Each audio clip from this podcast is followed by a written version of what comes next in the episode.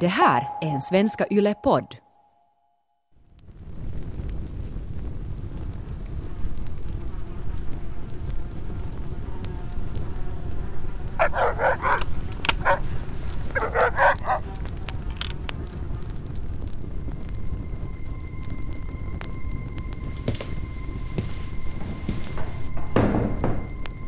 Under förhör används sedvanliga örfilar och dunkande av huvudet och ryggen mot väggen. Steg två är boxning mot underlivet. Som sista metod används en större magnet. Du lyssnar på podcasten Varför måste de dö? Där vi tar reda på vad som hände med familjen Kolman och de andra fem judar som Finland deporterade på 1940-talet.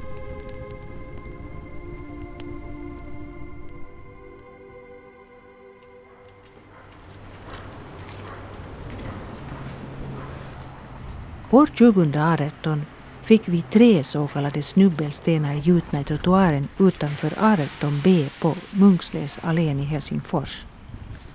På dem står tre namn. Här har vi de österrikiska flyktingarna pappa Georg Kollman, nära på färdig läkare, mamma Janka kallad Jenny Kollman, kassa i tygaffären Kangashuone och deras son Frans Olof Kollman, född i Finland. De hörde till de åtta som Finland sände iväg med fartyget SS Hohenhörn den 6 november 1942 med destination koncentrationslägret Auschwitz. I avsnitt 3 fick vi höra att sju av de åtta med all sannolikhet dog i Auschwitz, medan en av dem ännu var i liv, Georg Kollman.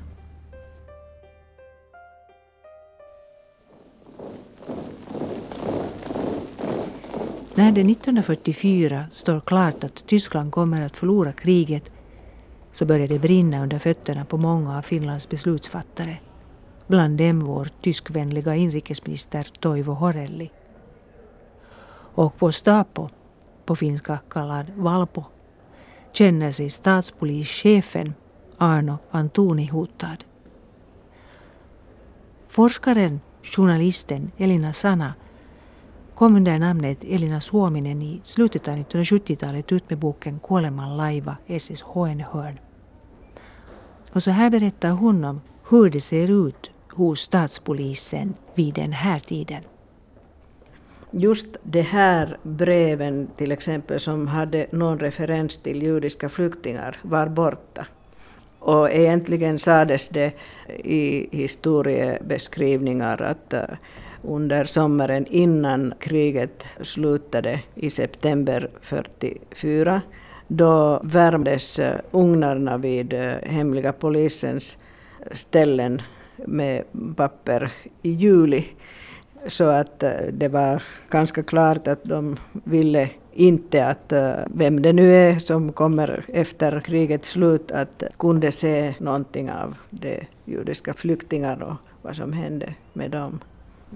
Så grannarna där undrar varför de måste elda så mycket mitt i sommaren? Just det, ja. ja. Om polischefen Arno Antoni nu berättar Elina Sana att för det första försökte Arno Antoni fly från Finland efter kriget med falska namn till Sverige på hemliga vägar, olagligt, men kom sen tillbaka till Finland var i någon prästgård vid Österbotten, Rautio prästgård. Och senare berättade att det gjorde han därför att eh, han måste vila sig, att eh, det var många hot och eh, hans underordnade officerare sökte honom överallt, från Finland, från Sverige. Och det tog nästan hela vintern att få tag i honom. Han var efterlyst. Och hemliga polisens nya personer tog honom tillbaka till Helsingfors. Men samtidigt som Arno Antonis dagar i rädsla har börjat så är det en annan person som blir befriad. Georg Kollman. Så här berättar Elina Sanna om honom efter befrielsen. Georg Kollman han var i ett sjukhus över ett år i Wien när kriget tog slut. Han vägde 37 kilo, en vanlig, ganska stor man. Och eh, så småningom blev liksom normal och frisk fysiskt.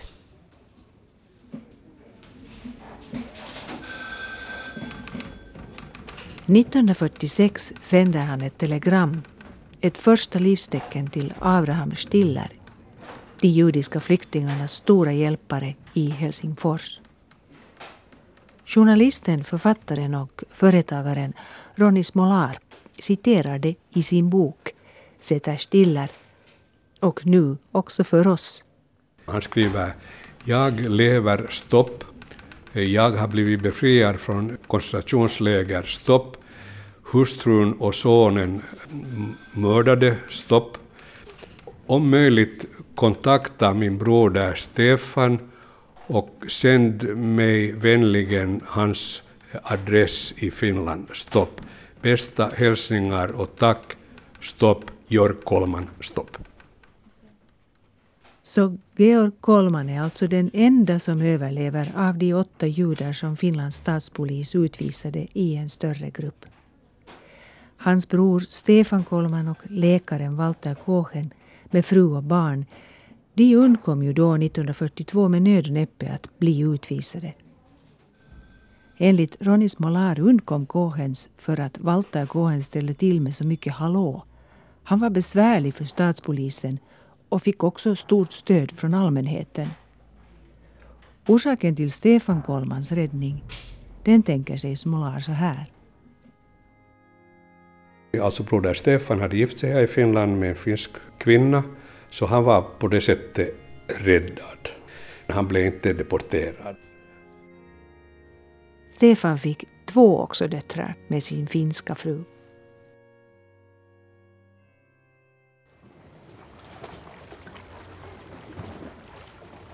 Enligt Walter Kohens fru Rosi friges Walter i augusti 1943. Sverige öppnar först vid de här tiderna sina dörrar för judiska flyktingar från Finland och Walter Kohen flyttar med sin familj till Sverige. Snart ger han ut en bok om sina upplevelser i Finland med titeln Jag sökte en fristad. Kohen arbetar dessutom efter kriget med de överlevande. Och här hör vi en autentisk invandring från en av de båtar med överlevande till Sverige efter kriget. Här är det MS Rönnskär som är på väg från Lübeck till Malmö i juni 1945.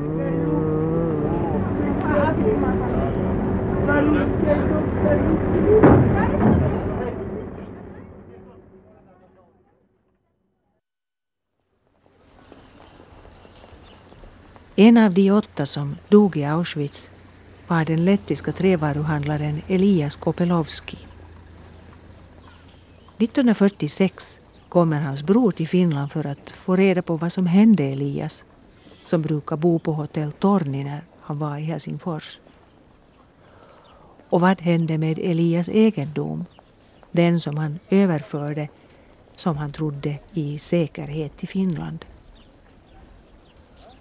Också journalisten, författaren Ronny Smolar har försökt utreda det här i samband med att han skrev sin bok Sätter stiller.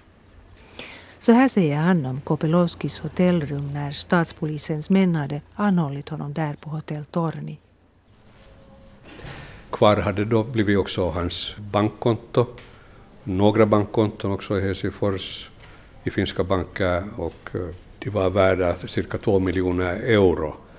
Pengar som hade helt försvunnit. Det var några som hade försökt uh, fråga efter de här pengarna. Jag också då när jag skrev den här boken var i kontakt med Finlands bank och med Nordea eller SUPYP, men ingen, ingen uh, låtsades om att veta om de här pengarna.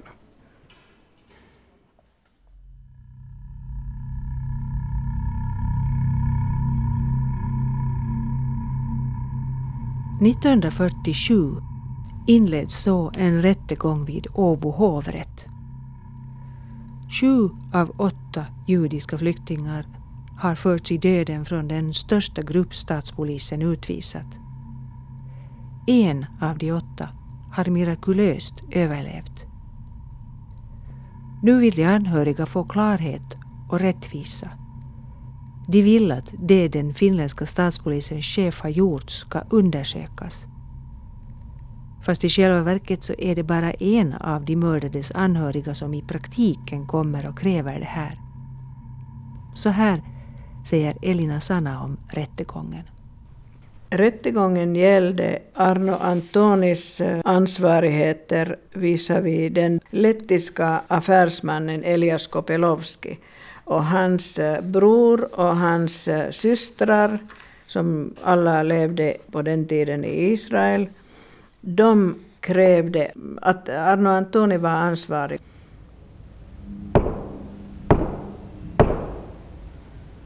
Samma år rättegången börjar i Åbo, 1947, blir Arno Antonis tyska kollega SS Oberführer Friedrich Panzinger förhörd medan han väntar på sin dödsdom i Königsberg, numera Kaliningrad. Han är under rysk övervakning och Pantzinger berättar bland annat om den lista med alla judar bosatta i Finland som Antoni hade med sig till Gestapo i Berlin 1942. Judarnas försvarsadvokat, juris doktor Mikael Livsson, anhåller nu om att få Pantzinger som vittne till rättegången i Åbo. När det inte lyckas får Livsson i alla fall ryssarnas förhörsprotokoll med Pantzinger och det visar klart vilka avtal Antoni har gjort med Gestapo. Med här finns även brevväxlingen mellan Antoni och Gestapoledaren Heinrich Müller, skriven på tyska. När den tas till behandling i rätten så säger Antoni sig plötsligt inte kunna någon tyska. Men Elina Sanna berättar om Arno Antonis kontakter till Tyskland så här.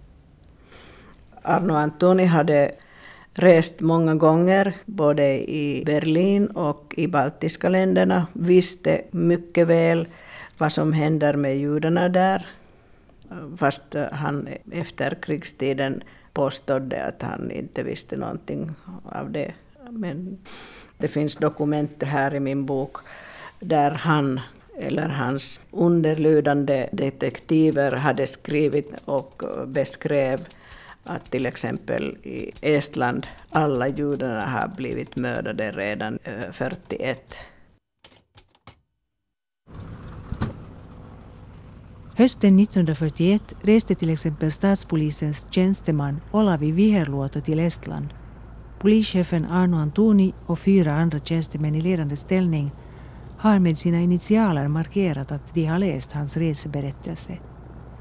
I det här topphemligstämplade dokumentet berättar Viherluoto bland annat under mitt besök i centralfängelse i Tallinn fick jag höra att de under mitt senaste besök samma morgon med lastbilar hade fört bort 80 judar till skogen där de hade kommenderat dem att knäböja vid gropen och skjutit dem bakifrån.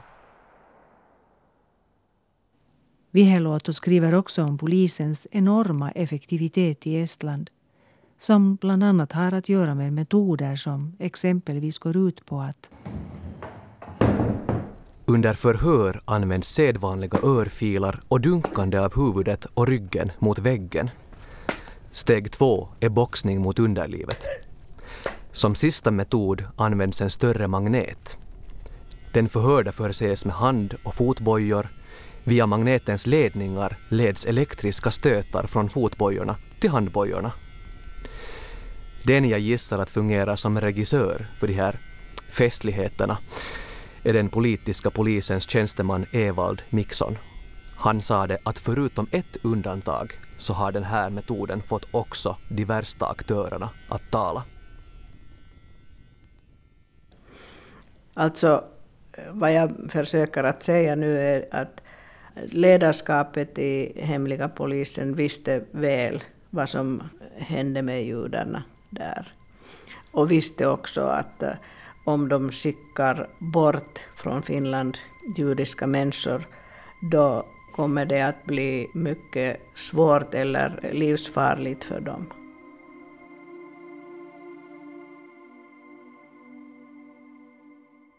Om Arno Antoni i rätten vid Åbo hovrätt säger Elina Sanna att Han spelade som om han inte kunde tyska, fast han hade skrivit brev till tyska vänner under krigstiden och att han inte hade läst de här reseberättelser där han själv hade antecknat i reseberättelser att han hade läst dem.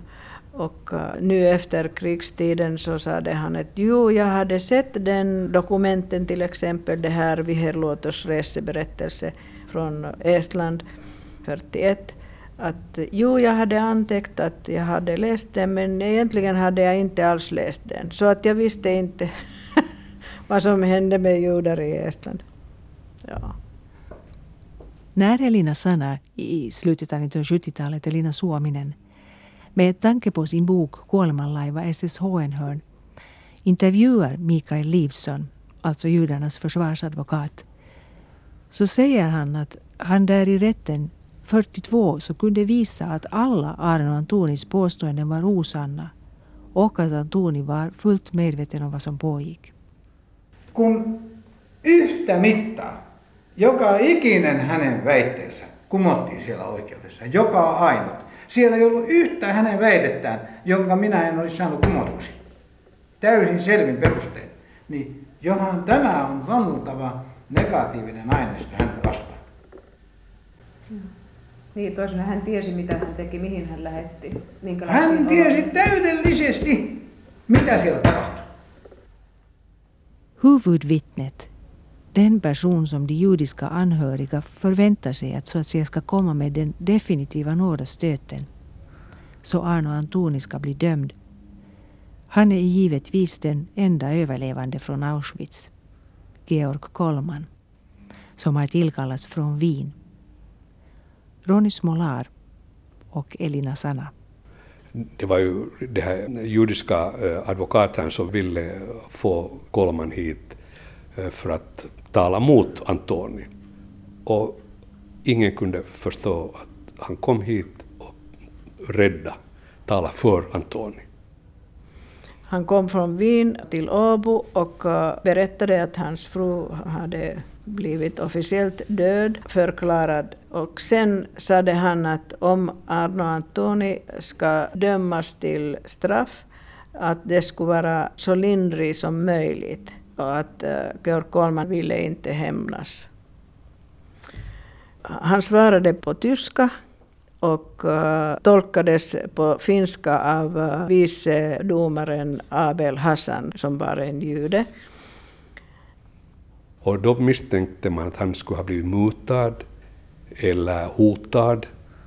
De kunde inte komma till någon annan slutsats. Att hans beteende i Åbo hovrätt var helt underligt. Så ingen förstår liksom vad, vad hände honom. Det här att, att han inte krävde någon straff till Arno Antoni var en chock för den judiska församlingen som hade liksom tänkt att nu kommer det här vittnet som verkligen kommer att göra Antoni skyldig för allt som han hade eh, gjort. Och de var mycket besvikna med vittnesmål som Georg Kollman gav. Och eh, många av press som följde med, till exempel Hufvudstadsbladet skrev utvisad jude vittnade till förmån för Antoni. Och eh, vänsterorienterade tidningar sa det att det, det är alldeles chockerande att eh, en person som hade varit eh, på koncentrationsläger krävde ingen straff för Arno Antoni och så vidare. Troligtvis ville han inte öppna Eh, komma tillbaka till de här gamla minnen och förstås han hade ju dåliga minnen om finska myndigheter. Så att om han skulle ha pratat emot finska myndigheter här så var han säkert rädd för att, att han skulle ha varit igen hamnat i problem. Och det kan inte ha varit frågan om en fel översättning? Absolut inte, inte något no fel, för att de här judiska juristerna följde med hela tiden och de visste vad det var frågan om. Så att den risken fanns ju inte. Men det var helt, helt otroligt. Och allt det där gick igenom i finska rättsväsen på den tiden. Så att han egentligen var inte straffad alls utan bara fick en eh, anmärkning att han var ansvarslös i sin tjänsteutövning och det var allt vad som hände med Arno Antoni efter allt det här. Ja.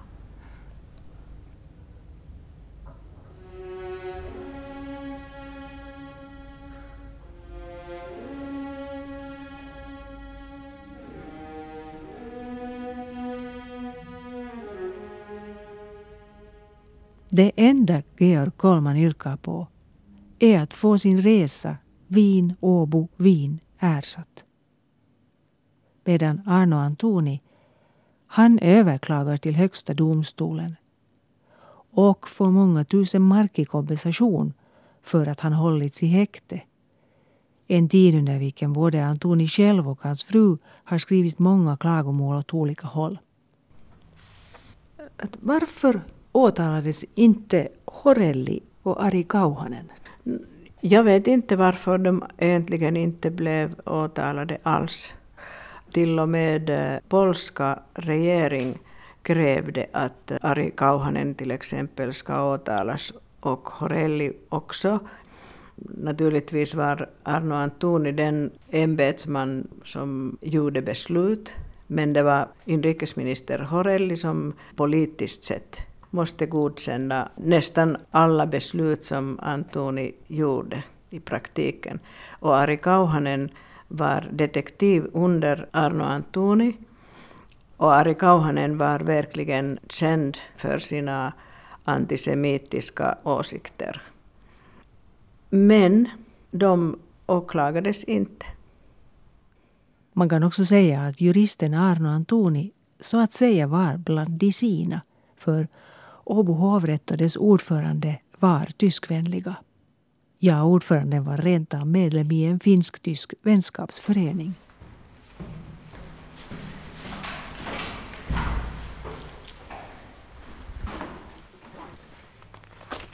Allmänt har man hittills talat om åtta judar som Finland överlät till tyskarna under andra världskriget. Men... Kanske är det viktigt att säga att den här utlämningen var inte ens den enda där judarna skickades ut. Det var enstaka människor tidigare och det var människor efteråt som var judar. Här har vi listan av 150 människor som du kan se. Och alla är judar. Om Stiller inte hade fått vykortet så vitt vi vet från arkivmaterial hade nästan 150 flyktingar blivit utskickade. Därför att de var de alla som Antoni hade registrerat som personer som vi inte vill ha här i Finland på den tiden. Menar du att ett vykort kan ha räddat 150 personer? Jag tror att man kan nästan säga det, att ett vykort kan rädda 150 judiska flyktingar. Efter Elina Sannas andra bok, Luovutetut, kom Wiesenthal-centrets första förfrågning till Finlands president och i dagens läge så har flera akademiska undersökningar gjorts som bestyrker Sannas uppgifter om att Finland de facto gjort sig skyldigt till att ha utlämnat långt fler än de åtta. Och räknar man dessutom med de som utlämnades som krigsfångar så beräknas siffran utlämnade komma upp till närmare 3000 personer. Av dem något på 70 judar som man känner till. För när folk blev anhållna så angav ju många inte sitt rätta namn.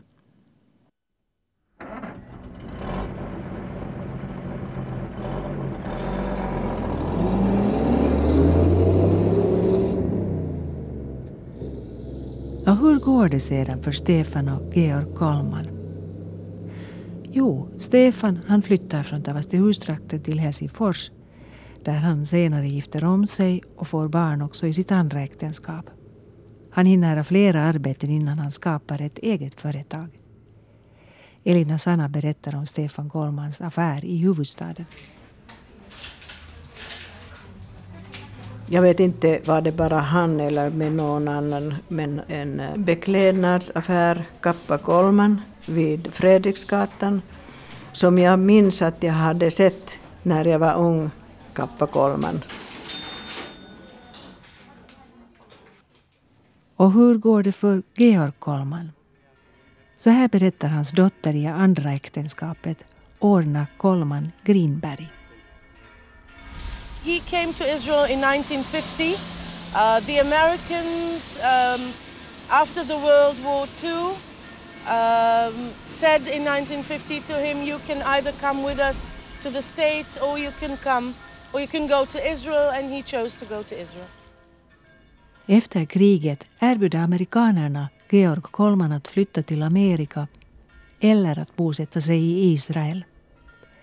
Han väljer Israel dit han flyttar 1950 och alltså bildar en ny familj. Kontakten till Finland, där yngre bror Stefan alltså bor kvar, den är inte helt okomplicerad. Ronny Smolar refererar vad Georgs dotter Orna har berättat om deras Finlandsbesök.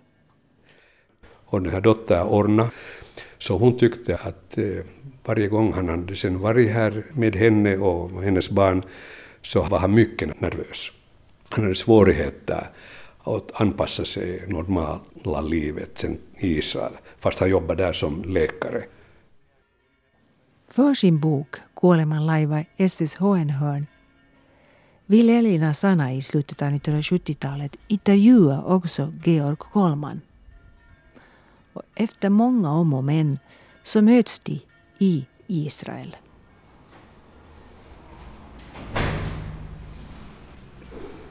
Jag gick in i sjukhuset där han arbetade som läkare i ett eh, arbetsrum. Vi talade lite där men sen gick vi någonstans ute på bakgården eller någonstans, inte exakt vid arbetsplats. Och det var hemskt mycket trafik, mycket ljud och svårt att höra verkligen men vi liksom ropade till varandra. Och eh, han hela tiden sa det till mig att han vill inte tala om det, han vill inte mm, minnas någonting. Han mm, liksom är mycket traumatiserad. Och jag försökte artigt säga att okej, okay, jag förstår, men sen hittade jag liksom andra vägar att fråga någonting. Och jag hade allt i allt intrycket att han verkligen var mycket traumatiserat. Men också att, fast han sa det hela tiden att jag vill inte tala om det, han egentligen ville tala om det. Han ville inte att jag ska säga tack och adjö. Han fortsatte hela tiden med något nytt och vi kom tillbaka till samma sak. Är det nu viktigt att minnas eller vi inte minnas? Vill han nu verkligen veta vad som hände i Finland under rättegången till exempel? Han sa att han vill inte höra någonting om det. Men sen kom jag till frågan som jag tänkte att jag måste nog fråga därför att det var på den tiden den brännpunkten. Att eh, hade han verkligen sagt att eh, Arno Antoni ska inte straffas eller om straffas så lindrigt som möjligt. Och då sade han alldeles rasande att nej, det är inte sant, jag har aldrig sagt det. Hur är det möjligt att ni påstår det? Vi var ni, inte du. Och uh, han blev verkligen arg på mig. Och uh, jag sa det, förlåt, men det är inte jag som säger det nu. Jag är bara den som har läst i arkivmaterial att ni har sagt det vid rättegången. Då kom han att eh, påstå att, att det, det, är inte sant, att det var en person som var jude som eh, var liksom översättare till honom och att det är inte möjligt att eh, han skulle ha översatt det fel. Att han, han har aldrig sagt det. No, då var vi båda mycket förvånade. Det var liksom den mest konfliktfulla intervjun som jag hade gjort för boken.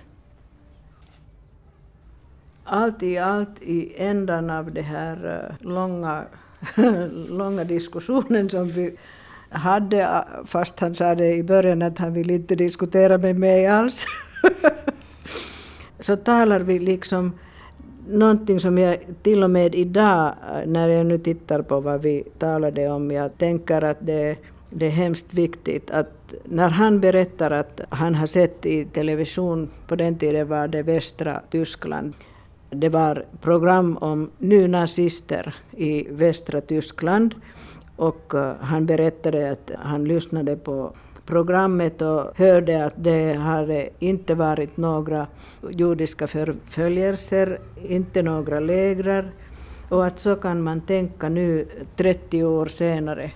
Varför skulle man då minnas? Det är bäst att glömma bort allt. Och så säger jag att jag är tyvärr alldeles av annan åsikt. Och så säger Georg Kollman att i hans fall, han var bara lite lyckligare än de andra. Det var allt. I historien kommer det att fortsätta varje dag. Några klarar sig, några andra inte. Det lönar inte sig att eh, minnas. Det hindrar inte att människor gör det om och om igen. Då genast efter andra världskriget så börjar man att deklarera och repetera, som det hette på engelska, never again. Att aldrig mer. Man tyckte att, att världen hade inte kunnat bli sämre än det var då. Det är en besvikelse att vi diskuterar idag, år 2019, om antisemitism, om, om spridande antisemitism. Tidigare kom det från den ultrahögern, i dessa dagar kommer det också från ultravänster. Så att eh, den här risken är mycket större, tycker jag, dessa dagar än det var tidigare. Det är en besvikelse. Vi som försöker nu att förstå varför och hur nazisterna kunde göra allt det hemska som de gjorde. Det är de samma motsättningar som vi i dagens Europa möter med de här populistiska rörelser som också försöker att förneka en sida av vår gemensam europeiska historia. Att vi vill inte se vad som hände utan förneka det och vara blinda för många saker som en människa är kapabel att göra till en annan människa. Och jag tror att där ligger på något sätt grunden av den osäkerhet som vi nu för tiden har i Europa. Att vi verkligen inte förstår hur är det möjligt att det finns så många nynazistiska, antisemitiska eller högerpopulistiska rörelser som liksom upprepar alla de här slogan som nazisterna vid Hitlers tid hade. Att det är liksom den ambivalens att vi inte är klara med vår historia och kan inte i lugn och ro analysera alla den där ondskan som var organiserat ondska. Och eh, jag tror att det är därför det är så viktigt att analysera historien om och om igen.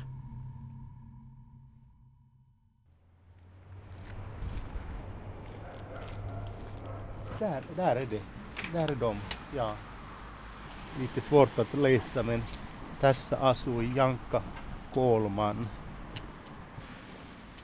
Nu är vi tillbaka där vi började, på Munksnäs allén 18b. Här har vi Helsingfors stads första snubbelstenar med namnen på tre av de minst 70 judar som Finland deporterade under andra världskriget. Georg Kolman, Janka Kolman och Frans Olof Kolman. Också de övriga fem i den största gemensamma grupp vår stadspolis lämnar ut så får varsin snubbelsten i Helsingfors. Hans Eduard Szybilski, Heinrich Huppert, hans son Kurt Huppert, Hans Robert Martin Korn och Elias Kopelowski.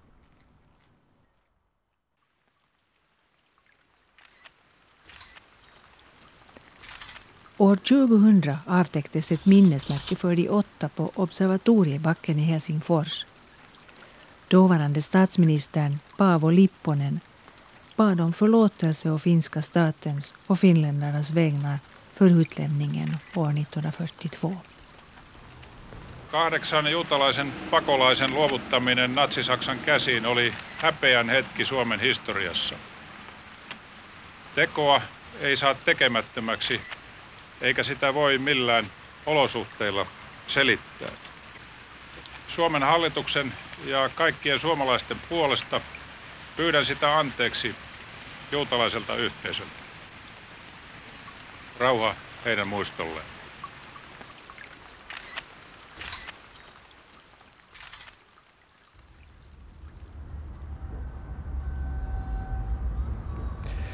varje år den 6 november så möts alla vid, vid stenen och vi har en sån här minnestillställning där, där bland annat det senaste året har varit sen bland annat just tyska ambassadören och ambassadörer från andra länder också. Och så har varit mycket, på sätt och vis också en gripande tillställning. Och alla står tysta därför att någon alltid i sitt tal beskriver de omständigheterna då och hela det där läget eh, så att fast vi talar om tiden för 77-78 år sedan så alla, alltså det årstiden är också så pass dyster att hur tråkigt det faktiskt var. Och sen nedanför den här minnesstenen så är ju hamnen varifrån det här fartyget for.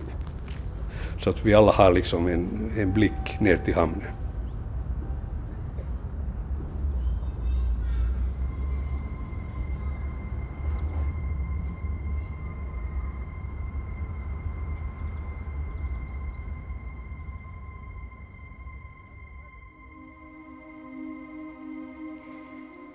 Det här var det fjärde och avslutande avsnittet av den här podcasten Varför måste de dö? Med uppläsning medverkade Staffan Gräsbäck. För ljuddesignen svarade Anne Heikkilä. Dramaturg var Are Nikkinen. Producent var Staffan von Martens. Redaktör jag, Mi Vegelius.